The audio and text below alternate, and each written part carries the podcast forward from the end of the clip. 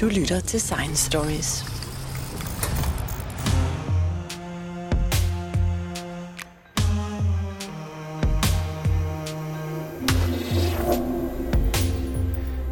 En af de ting, der kan true livet på jorden, udover atomkrig og voldsomme klimaforandringer, er, hvis jorden bliver ramt af en meteorit eller asteroide.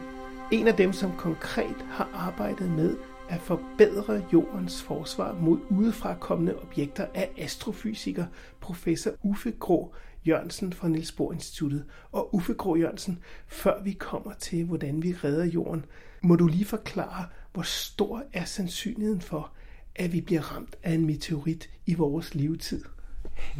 Ja, det er der jo faktisk ingen, der ved, og det kan man sige, det er lidt uhyggeligt.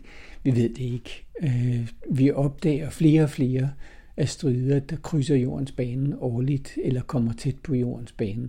Og hvis man ser over statistikken over, hvor mange kender vi, så vokser det kraftigt år for år. Og det betyder jo altså, at vi kender dem ikke endnu.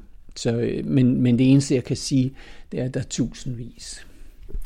Og man kan jo se rundt omkring på jorden, hvis man begynder at, at grave lidt i overfladen, så kan man se, at der er faktisk mange steder, hvor der er spor efter enorme meteoritter, der har ramt tidligere i jordens øh, historie.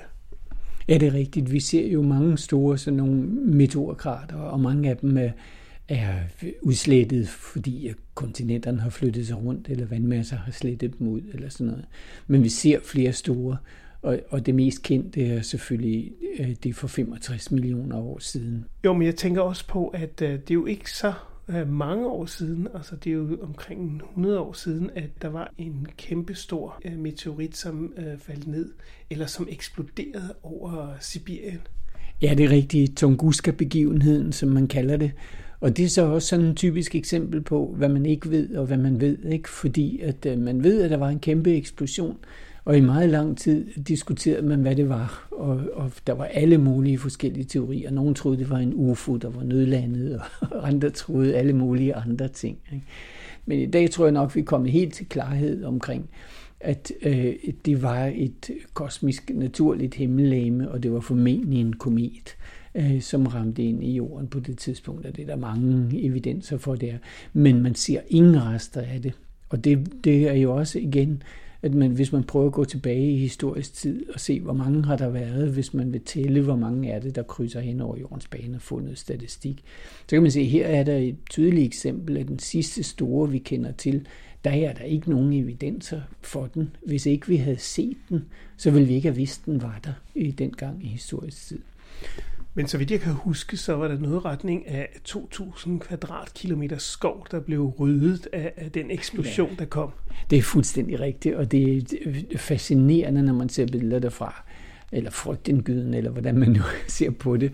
2.000 kvadratkilometer skov knækket på grund af eksplosionskraften derfra. 8 millioner træer var det, der blev knækket, blæst, blæst ned på grund af det her. Sådan. Øh, og, øh, og 150 km derfra, der gik der ild i folk, der var udenfor. Og 600 km derfra, der blev folk blæst i vandet, hvis de stod i, i havneområdet eller sådan noget, på grund af lufttrykket. 600 km derfra. Øh, så når man lægger alle de der sådan, forskellige observationer sammen, så kan man sige, at det var en eksplosion, så var størrelsesorden 1000 gange større end atombomben over Hiroshima. Øh, og det var en isklump på bare 50 meter i diameter, som kom ind. Og, og mange af dem, vi ikke kender, øh, og ved, hvor mange der er af, der er, som krydser jordens bane årligt, øh, de er jo altså meget større end det her. Og det, der skete over Tunguska, det var, at den her isklump, det vil altså sige et stykke komet, øh, den kom ind, men den kom heldigvis, kan man sige, ind i en meget flad vinkel, sådan så den gik igennem en, en stor del af atmosfæren, før den kom ned i lavt højde. Øh, og, og det vil sige, at den var allerede varmet så meget op, da den kom ned i, i lav højde, at den eksploderede i 8 km højde. Ja, jeg ved, at den også blev observeret i Danmark. Ja, og det er et af argumenterne for, at, at jeg tror, at det var en komet. Øh, det er, at man observerede, den, man observerede lyset fra den i Danmark, men det var dagen før, man observerede lyset. Altså dagen før, så det var ikke selve nedfaldet, man, man observerede selve kollisionen. Øh, og der, hvis man finder ballenske tidene, tror jeg, det er fra, fra, øh, fra den 30. juni 1908, så kan man se på forsiden, at der i flot gammel dansk står, man undrede sig over, at det i går ikke ville blive mørkt.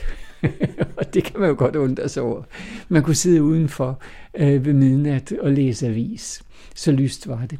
Og det den eneste måde, jeg kan se, at, at, at man kan forstå det, det er fordi, at det var halen af kometen, som øh, reflekterede sollyset ned om natten.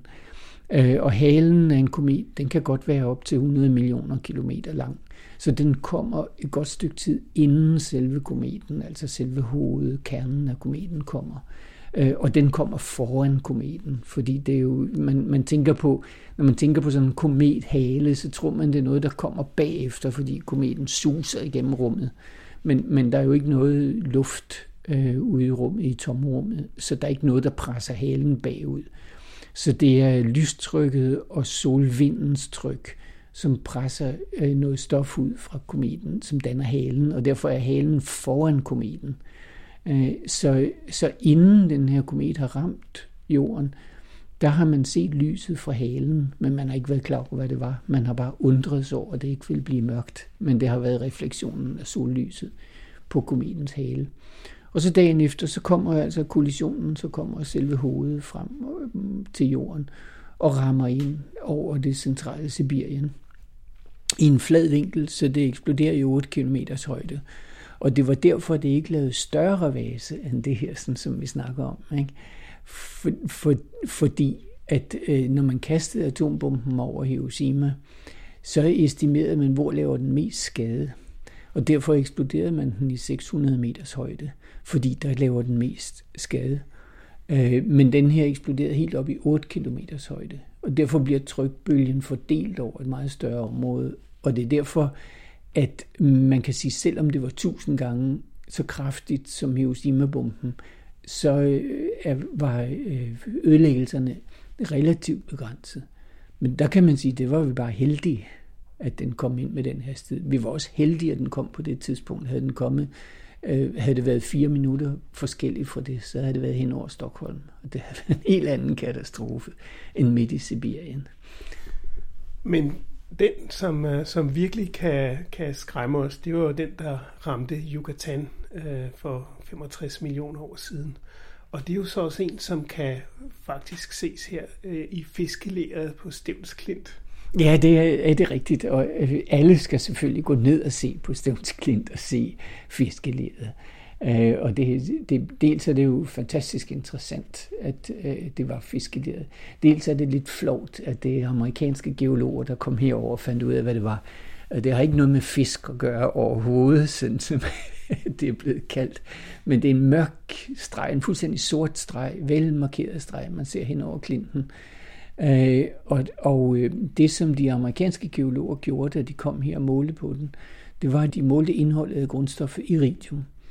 Og iridium findes simpelthen ikke ved jordens overflade, og det er, en lang historie, men det har noget at gøre med, at iridium er det mest blandbare grundstof med jern. Så dengang jordens kerne blev dannet, der var al iridium, der fandtes på jorden, det var blandet op med jern, og så det øh, søgte ind til jordens centrum, og det sidder derinde i dag. Så der er masser af iridium, men det sidder alle sammen inde i jordens kerne. Så det iridium, som man finder ved jordens overflade, det må være kommet hertil en, en kosmisk kollision senere hen, for alt det oprindelige er væk. Og der øh, på Stævns Klint, øh, der kan man se en, en, øh, en forøgelse af iridiumindholdet på, jeg kan ikke huske hvilken faktor, men flere tusind gange højere end ellers i omgivelserne. Og der er ikke noget farligt ved det. Iridium er hverken radioaktivt eller farligt på nogen måde. Men, men når man måler det, så kan man se, at der må der altså have været en kosmisk kollision på det tidspunkt, og den kan man så datere til 65 millioner år siden. Og senere hen har man fundet ud af, at det er der over hele jorden. Så øh, over alle lag, som er eksponeret, der er 65 millioner år gamle, der finder man det her stærkt forhøjet iridiumlag, altså fiskeler, om man så må sige. Øh, det findes alle vejen, og det vil sige, at den katastrofe, som har været dengang, den har omsluttet hele jorden med et øh, støvlag, øh, som er dalet ned igennem nogle årtier formentlig. Øh, Øh, og i den periode har der ligget så meget støv op i luften, at sollyset har været blokeret, så der er blevet koldt på jordens overflade. Øh, så, og det er det, øh, der har gjort den store udryddelse. af, af dinosaurerne og, og i, i virkeligheden 50 procent af alle arter på jorden. Øh, så, så det er klimaforandringer, altså voldsom, voldsom klimaforandring. Hvis man forestiller sig, at i 20 år har der ikke været noget solskin, så falder temperaturen voldsomt, og det har været globalt over hele jorden. Og det er det støv, og det støv, der har ligget op i luften, det er det, der kommer fra kollisionen. Så når sådan et stort himmellegeme, men nu har man fundet krateret, og det bliver det endelige bevis for det, øh, så kan man så også regne ud, hvor stort har himmellegemet været. Og det har været en stenjernmeteorit på cirka 10 km i diameter, som er ramlet ind i jorden.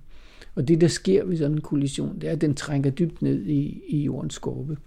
Og den fordamper, hele stenen fordamper, øh, og den fordamper lige så meget klippe, klippe og jordmateriale fra jordens skorpe.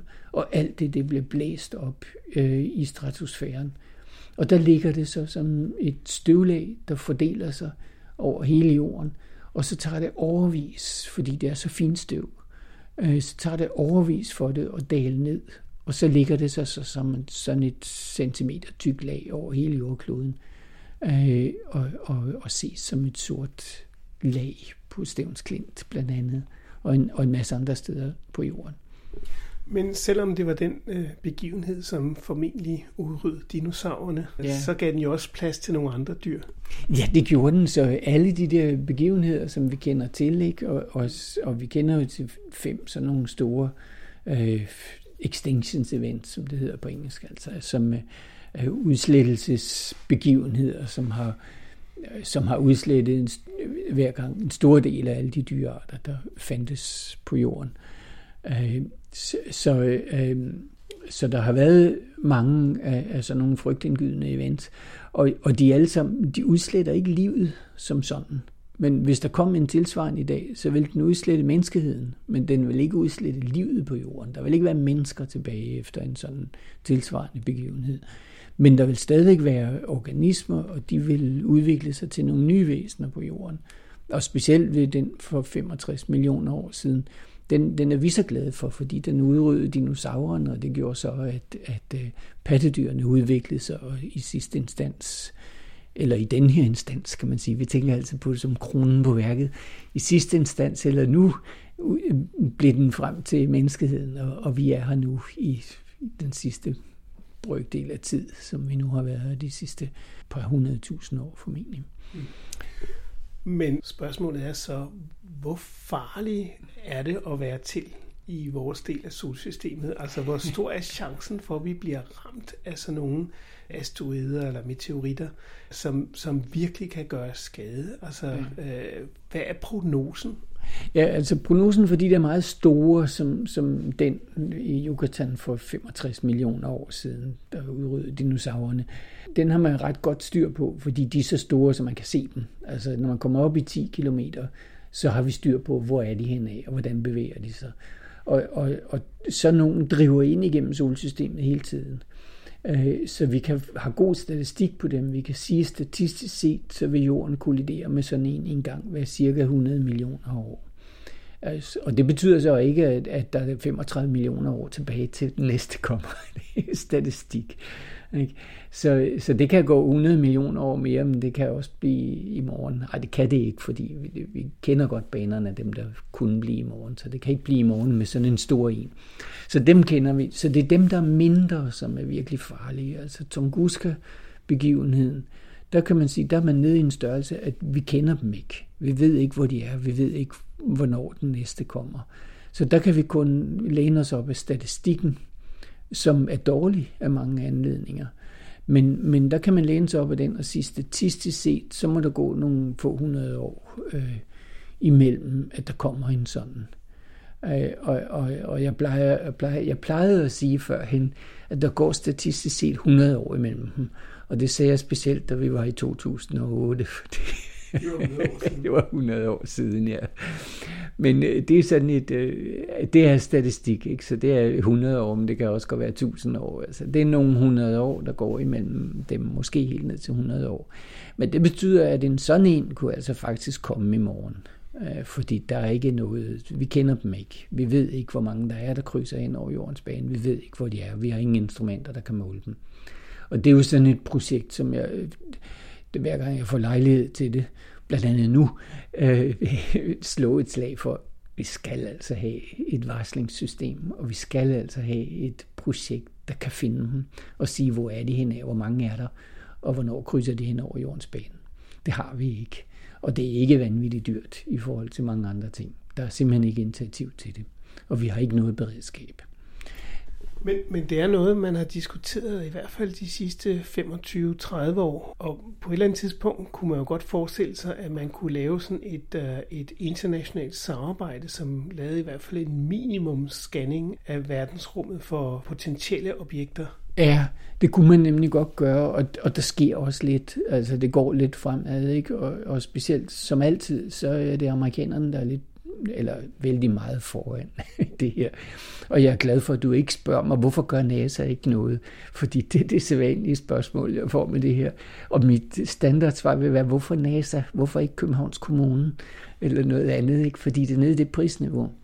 Men, men, øh, men NASA har altså i et internationalt projekt, som er en stor kikkert, øh, der er blevet bygget, eller ved under opbygning i, i Andesbjergene i Dile, Øh, Øh, og det er fordi, det er et af de bedste steder sådan noget stående. Øh, og det er en, en kikkert med et spejl på 8 meter, og det er i sig selv 8 meter ikke så voldsomt stort, fordi det, det, øh, det europæiske samarbejde har fire af sådan nogle teleskoper. Men det, der er helt specielt ved den her kikkert, det er, at den har et kamera inde i, som er en, en, en fabelagtig udvik- kameraudvikling. Den har et kamera, der er så stort, at man kan gå inde i det. Øh, Øh, og det er lavet på den her specielle form, for at man kan se et meget stort udsnit af himlen med, med den her sådan, øh, kigger. Det kan man normalt ikke med andre kigger, der, der ser man et meget, meget, meget, meget lille øh, område af himlen. Øh, så man kan se et relativt stort område af himlen, så stort, at når man lader kikkerten køre hen over himlen, så kommer man hver tredje dag tilbage til det samme punkt igen. Så man kan altså scanne himlen hver tredje dag. Hele himlen, ikke hele himlen, men hele den himmel, man kan se fra den sydlige halvkugle. Så man kan scanne hele den del af himlen hver tredje nat, hvis ellers det er klart. Men, men det er jo en af grundene til, at man har stillet det der, fordi der er mange, mange klare nætter om året.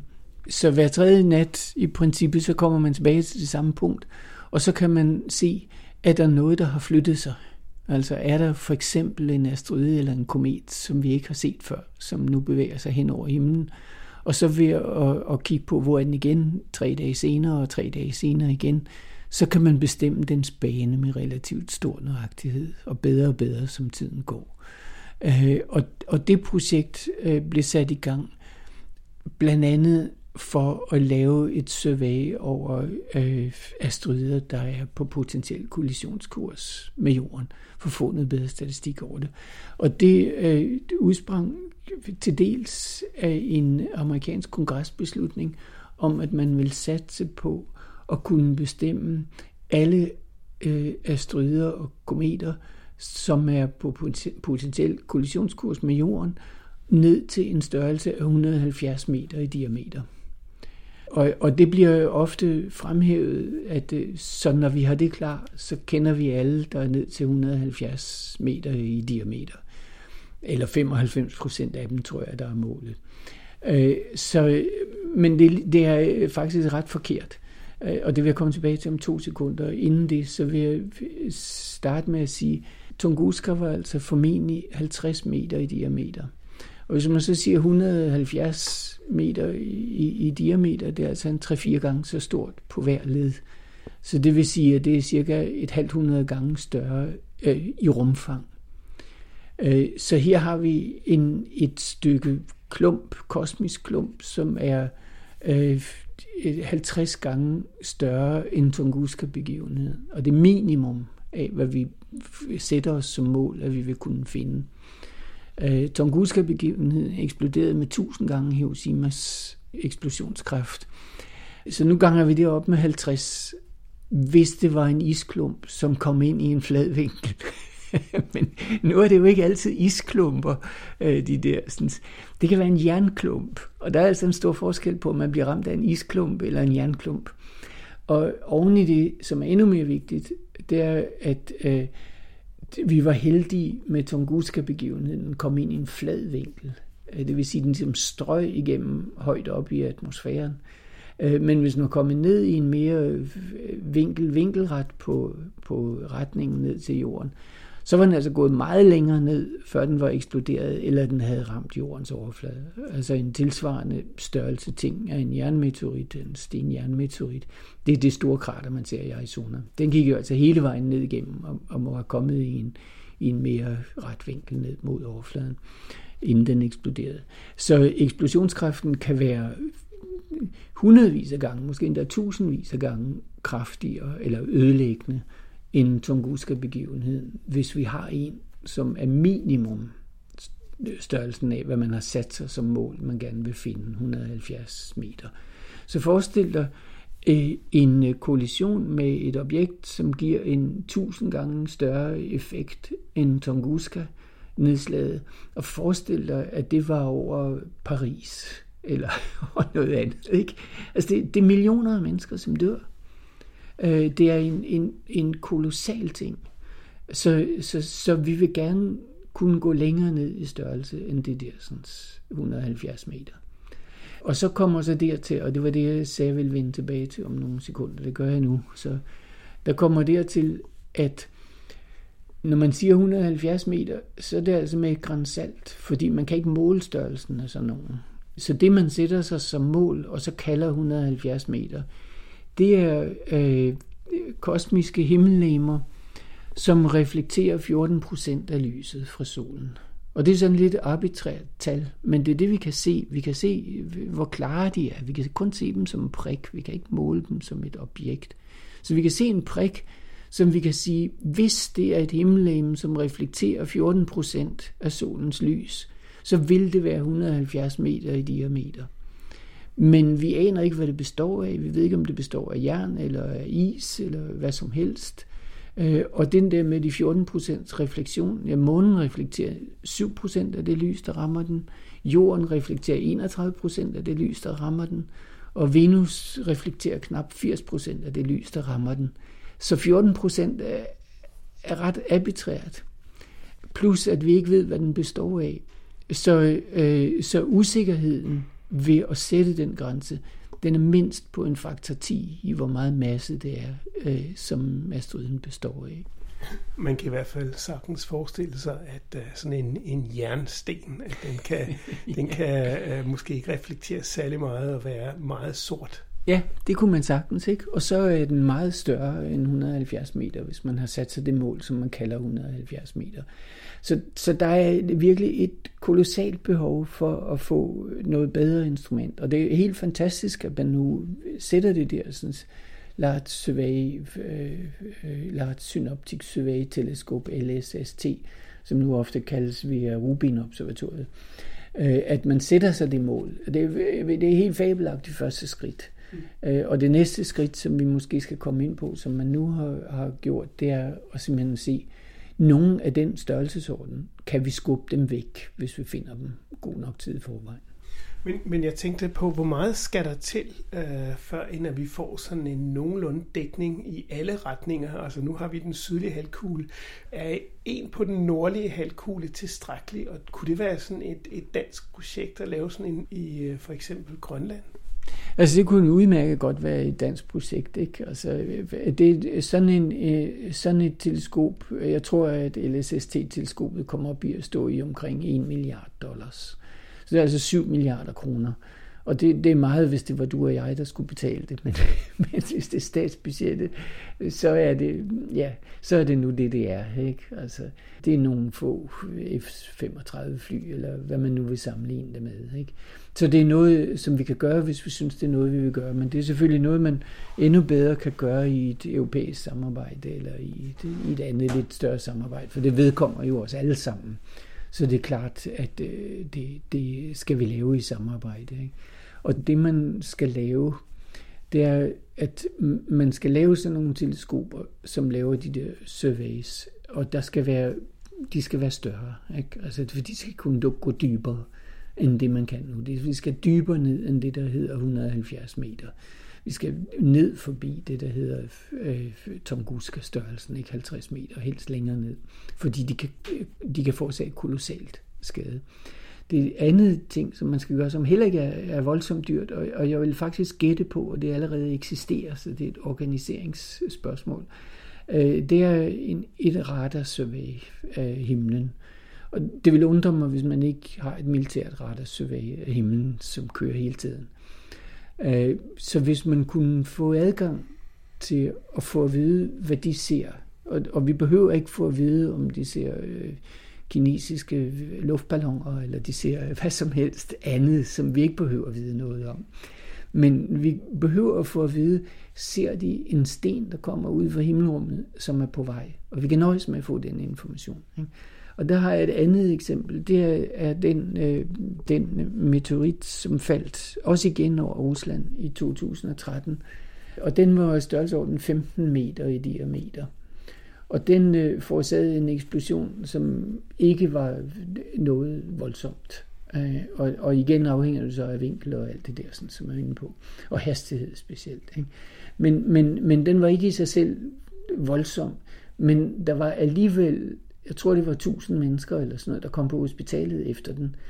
Og de kom på hospitalet, fordi vi ikke har sådan et radarsystem, som afbryder radioudsendelsen og fjernsynsudsendelsen og siger, vi ser på vores radarvarslingssystem, at der er en, en asteroide på 10 meter for eksempel i, i diameter, der er på vej ind over København. Og den eksploderer, dem kan man typisk se med de der radarsystemer, som vi har, øh, et sted mellem et par timer og et par dage i forvejen. Men selvom vi bare så dem to timer i forvejen, og radioudsendelsen blev stoppet, og den sagde, at vi har sådan en på vej ind over København, og, og klokken 8 i aften, der øh, forventer vi, at den eksploderer over Rådhuspladsen, eller hvad den nu gør. øh, og så fordi, at det der skete i Rusland, og grunden til, at der kom 1000 mennesker på hospitalet, det var fordi, at der var selvfølgelig ingen varsling i forvejen. Og i det øjeblik, eksplosionen var en voldsom eksplosion, som alle kunne se, og også selvom de sad indenfor og kiggede den anden vej, så, så ville de se pludselig det der enorme lysglimt komme ind igennem vinduet. Og hvad gør man reflektivt? Man farer hen til vinduet og siger, hvad er nu det? Og så kommer trykbølgen lige lidt efter, fordi den bevæger sig lidt langsommere end lyset. Så kommer trykvinden og smadrer vinduet, og man bliver gennemboret af glasblinder fra vinduet, og får dem i værste fald i øjnene og sådan noget. Og det var alle dem, som kom på hospitalet. Det kunne have været undgået, hvis radioudsendelsen havde stoppet og sagt, hvis I har en kælder, så gå ned og sæt jer ned i kælderen og vent tre timer indtil der kommer information på radioen om, at nu er det overstået. Eller hvis I ikke har en kælder, så lig jer under spisebordet med hovedet nedad, eller sådan noget. Der skal ikke mere til. Øh, og det er dem, der er flest af. Så hvorfor har vi i Danmark ikke et beredskab mod det? Vi har beredskab mod alle mulige andre ting, men ikke mod det. Det, det skal organiseres. Nu plejer man at drille metrologer med at sige, at uh, de taler altid om vejret, men de gør aldrig noget ved det. ja. Tænkte jeg, astronomer, I har jo faktisk haft gang i at, at se på, hvad kunne I gøre, ja. hvis der kom sådan en ja. farlig meteorit. Ja. Og, øh, og det er faktisk helt aktuelt. I har fået nogle rigtig, rigtig spændende resultater på et konkret forsøg, at I har lavet ude i rummet. Ja, det er rigtigt, at øh, vi har været så heldige at, at være med i et eksperiment, som NASA har lavet. Det er et, et, et, altså NASA, der står for hele eksperimentet.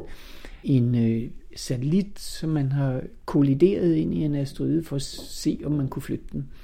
Men øh, vi har været med i at gøre målingerne af, hvad skete der med den her asteroide, der den amerikanske satellit øh, ramlede ind i den.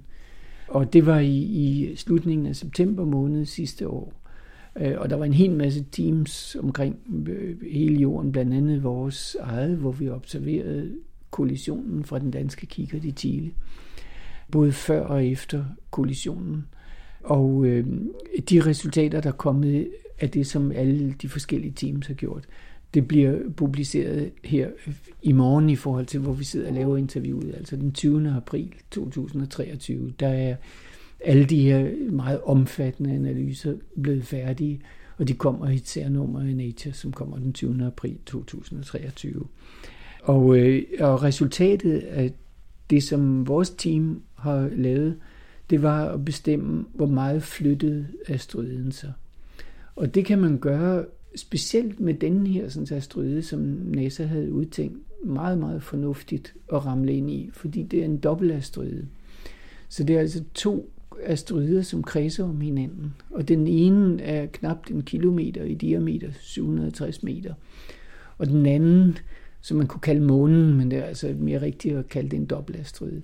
Den anden, den er kun 150 meter i diameter. Så den er altså nogenlunde den størrelse, som man har sat sig for, man gerne vil kunne finde øh, øh med den her kigger, som jeg snakkede om før i Chile.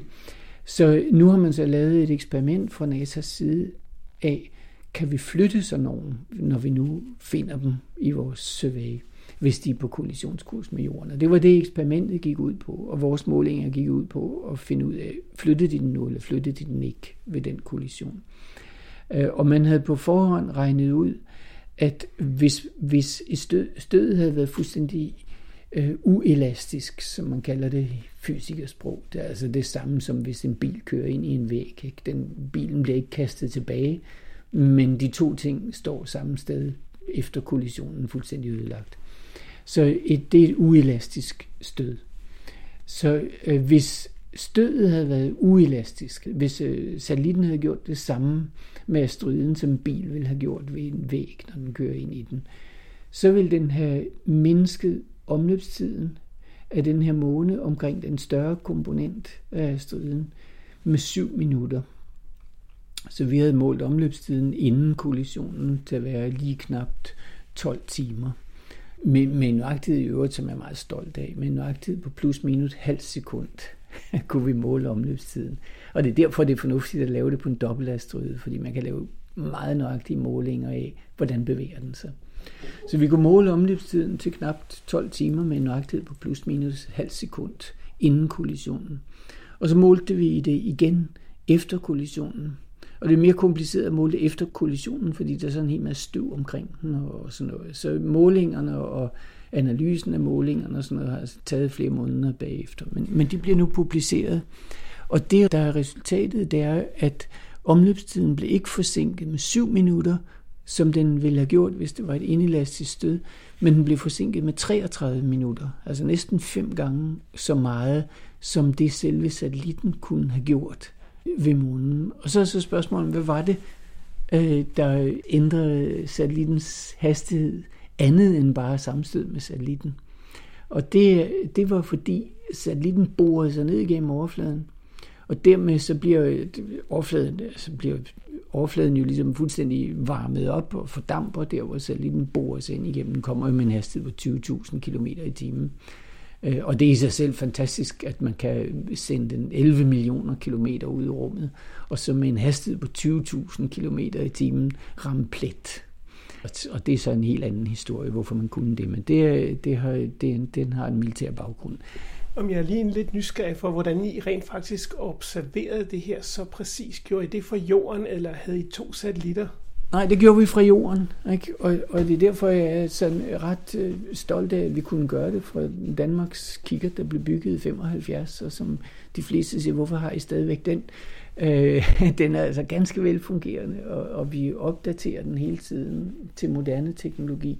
Og grunden til, at man kan gøre det, det er fordi, at valget på den her sådan, dobbeltasteroide, den er sådan, så at den lille hver 12. time altså går hen foran den store. Det vil sige, at lysreflektionen fra den store bliver formindsket en lille smule. Der kommer en skygge henover. Det er ligesom en formørkelse. Ikke? Så, øh, så det vi målte, det vi målte, det var hvor lang tid går der imellem, at den her skygge kommer henover, altså at lyset dykker en lille smule fra den store, til den næste gang dykker en lille smule fra den store. Så vi målte omløbstiden af den lille, uden at se den lille satellit i virkeligheden. Ikke? Men vi så omløbstiden på grund af effekten på lyset i, på den store. Men, men det vil sige, at I viste, at man rent faktisk kunne ændre omløbstiden ganske gevaldigt, og ja. meget mere, end man umiddelbart skulle forestille sig ja. med, med sådan en påvirkning. Og, ja. og hvad er forklaringen på det?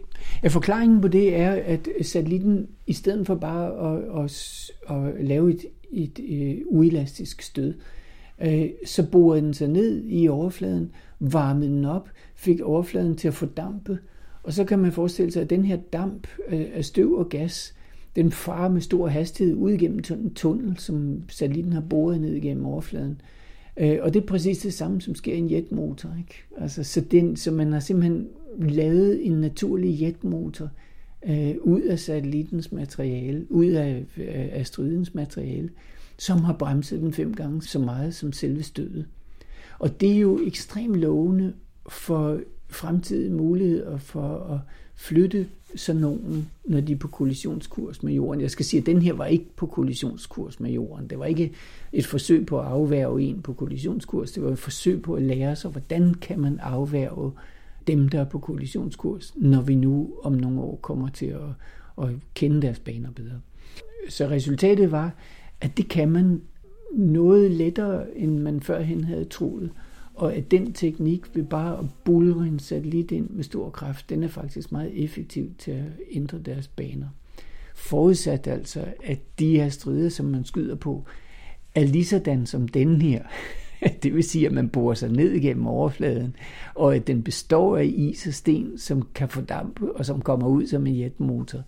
Så det betyder, at der ligger altså også et stykke arbejde forud med at finde ud af, alle de her sådan, asteroider, som nu farer hen over jordens bane dagligt. Ikke? Øh, hvad består de af? Er de alle sammen sådan samsuret med sten og is, eller er der nogle af dem, der er jern, og er der nogle af dem, der er ren is og sådan noget? Fordi teknikken skal altså justeres ind til, hvad det er for en asteroide, man vil støde ind i. Så man kan sige, nu har vi ramt en, øh, og den kunne man have flyttet, hvis det havde været sådan en, som var på kollisionskurs.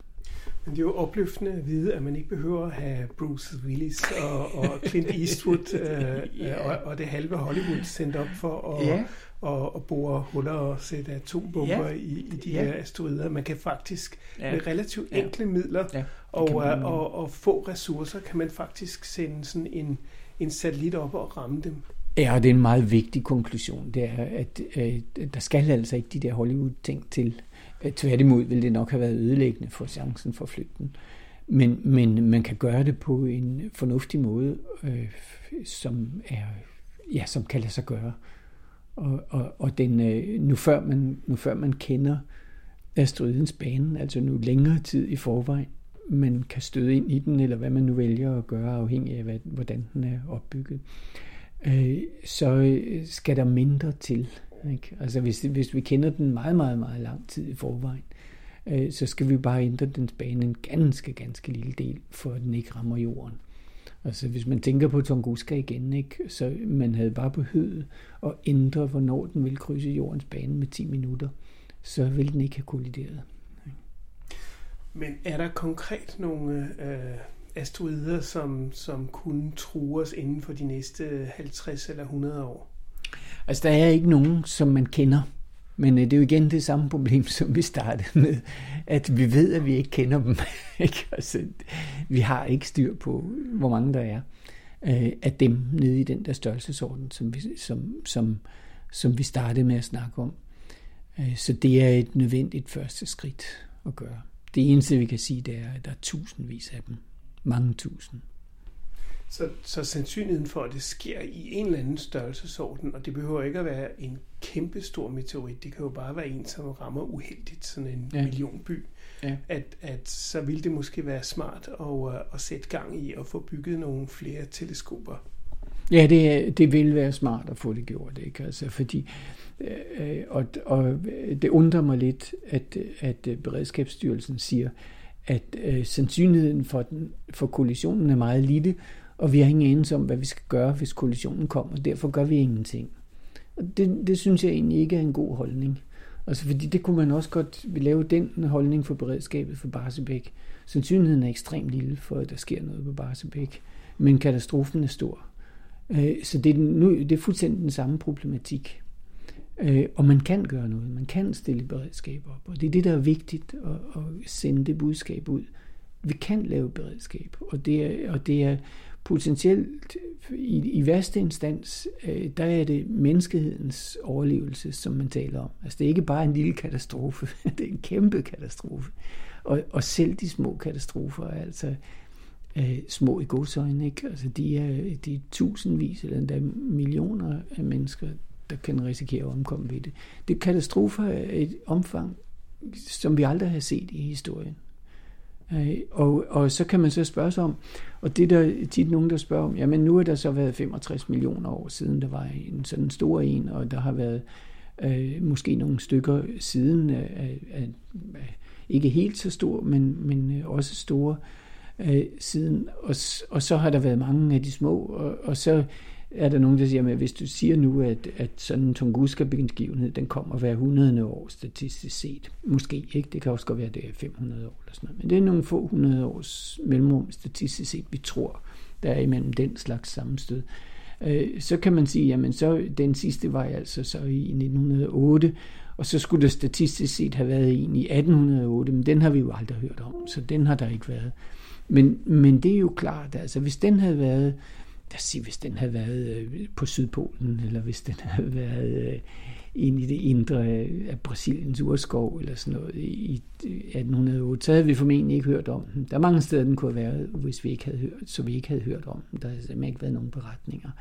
Og så skulle så den tidligere, den skulle så have været 1708 statistisk set. Ikke? Øh, og, nu, og vi behøver ikke gå mere end nogle, en meget kort tid tilbage i historien, så vil der ikke have været nogen observationer af det øh, ligegyldigt, hvor den havde været. Ikke? Og, og så kan man sige, at så kan man måske være lidt provokerende og sige, gå lidt længere tilbage i historien, nogle tusind år, og så sige, har vi ikke en beskrivelse af en stor sådan kollision i Nords ark? Var det ikke det? Men det skal jeg ikke gøre mig til talsmand for, om hvorvidt det var, og om det overhovedet var, og alt, alt muligt andet. Det er, en, det er en diskussion uden for mit fagområde. Men, men der er masser af legender øh, og nedskrevne beretninger, som måske godt kunne være sådan noget. Så, så vi kan ikke lave vores statistik ud fra at se, hvor tit ser vi det tilbage i historien. Vi bliver nødt til at lave vores statistik ud fra at måle, hvor mange er der. Og, og der er vi på bare bund nu.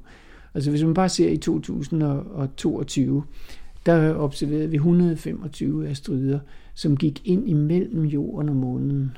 Altså det er ganske tæt på. Øh, og, og hvis man så ser på, hvor mange har vi set af dem fra per, per år, så er det næsten eksponentielt voksende, hvor mange vi ser. Og det er jo ikke fordi, der kommer eksponentielt flere af dem. Det er fordi, vi langsomt bliver bedre til at se dem. Okay, og det vil sige, at der er simpelthen hundredvis øh, af meteoritter, som kommer relativt tæt på jorden hver eneste år. Og, ja. og, øh, og, og man har bare ikke været i stand til at observere dem, så derfor har man ikke blevet bange for dem. Ja, det er fuldstændig rigtigt. Der er en, en hjemmeside, som jeg gerne vil reklamere lidt for på YouTube, og man kan se linken til den her på Science Stories. Øh, og den viser, hvor mange såkaldte near-Earth asteroids er der, altså asteroider, som kommer tæt på jorden øh, i deres bane rundt. Og alle dem, der er tæt på jorden, de tager jo et år om at komme rundt cirka, så de kommer hele tiden hver år. Øh, og, og definitionen af en near-Earth asteroid, det betyder, at den enten krydser hen over jordens bane, eller den kommer meget tæt på jordens bane. Og i første omgang kunne man måske tænke, om dem, der bare kommer tæt på, men ikke krydser hen over, dem kan vi være ligeglade med. Men de flytter sig jo hele tiden. Altså man, det, det er næsten ligesom, når man ser dem, så er det næsten som en bisværm. Ikke? Og når de kommer tæt på hinanden, så påvirker de jo hinanden tyngdemæssigt, så ændrer banen sig en lille smule. Så alle dem, der er tæt på, de kan pludselig ændre sig til, at de krydser hen over jordens bane. Og det er derfor, man prøver at lave bestemmelse af banerne af alle dem, også dem, der bare i øjeblikket er tæt på, men ikke lige præcis krydser hen over. Det er dem, der er mange tusind af, som man allerede kender, og som der formentlig er mange, mange flere. Og på den her YouTube hjemmeside, der kan man se, hvor mange kendte man i 1998. Og når man ser den, så, så tænker man, nå, det var mange, men, men dog overkommeligt. Og så ser man, hvor mange kendte man i 2008, og så tænker man, uha, øh, så dem kendte man ikke i 1998. Og når man så endelig ser den med, hvor mange kendte man i 2018, som er den sidste af de tre eksempler, så ser det fuldstændig plamageagtigt ud, så mange der er. Og det betyder jo altså, at man kender flere og flere og flere år for år. Så mange kender man i 2028 er, er, er umuligt at sige i dag. Men, men men det eneste, vi kan sige, det er, at der er mange, og det er alle dem, der enten krydser jordens bane, eller kommer tæt på jordens bane, og dem, der kommer tæt på, de kan altså også inden for relativt kort tid begynde at krydse jordens bane, i stedet for at være tæt på. Derfor bliver man nødt til at følge dem kontinuerligt ved sådan et survey, så man har styr på, hvor er de henne, og hvordan bevæger de sig, og hvordan ændrer banen sig. Jeg ser i hvert fald en, en meget spændende opgave foran mig med uh, science diplomati, hvor at I, er, I er nødt til at stille op med på FN's generalforsamling og sige, at det her er en, en opgave for menneskeheden. Ja, det, det vil være godt, hvis det udviklede sig sådan. Jeg tror, at øh, menneskeheden vil være glad for, at, at det skete. Det lyder rigtig spændende. Jamen lad os da forsøge på det, Uffe Kro Jørgensen. tak skal du have.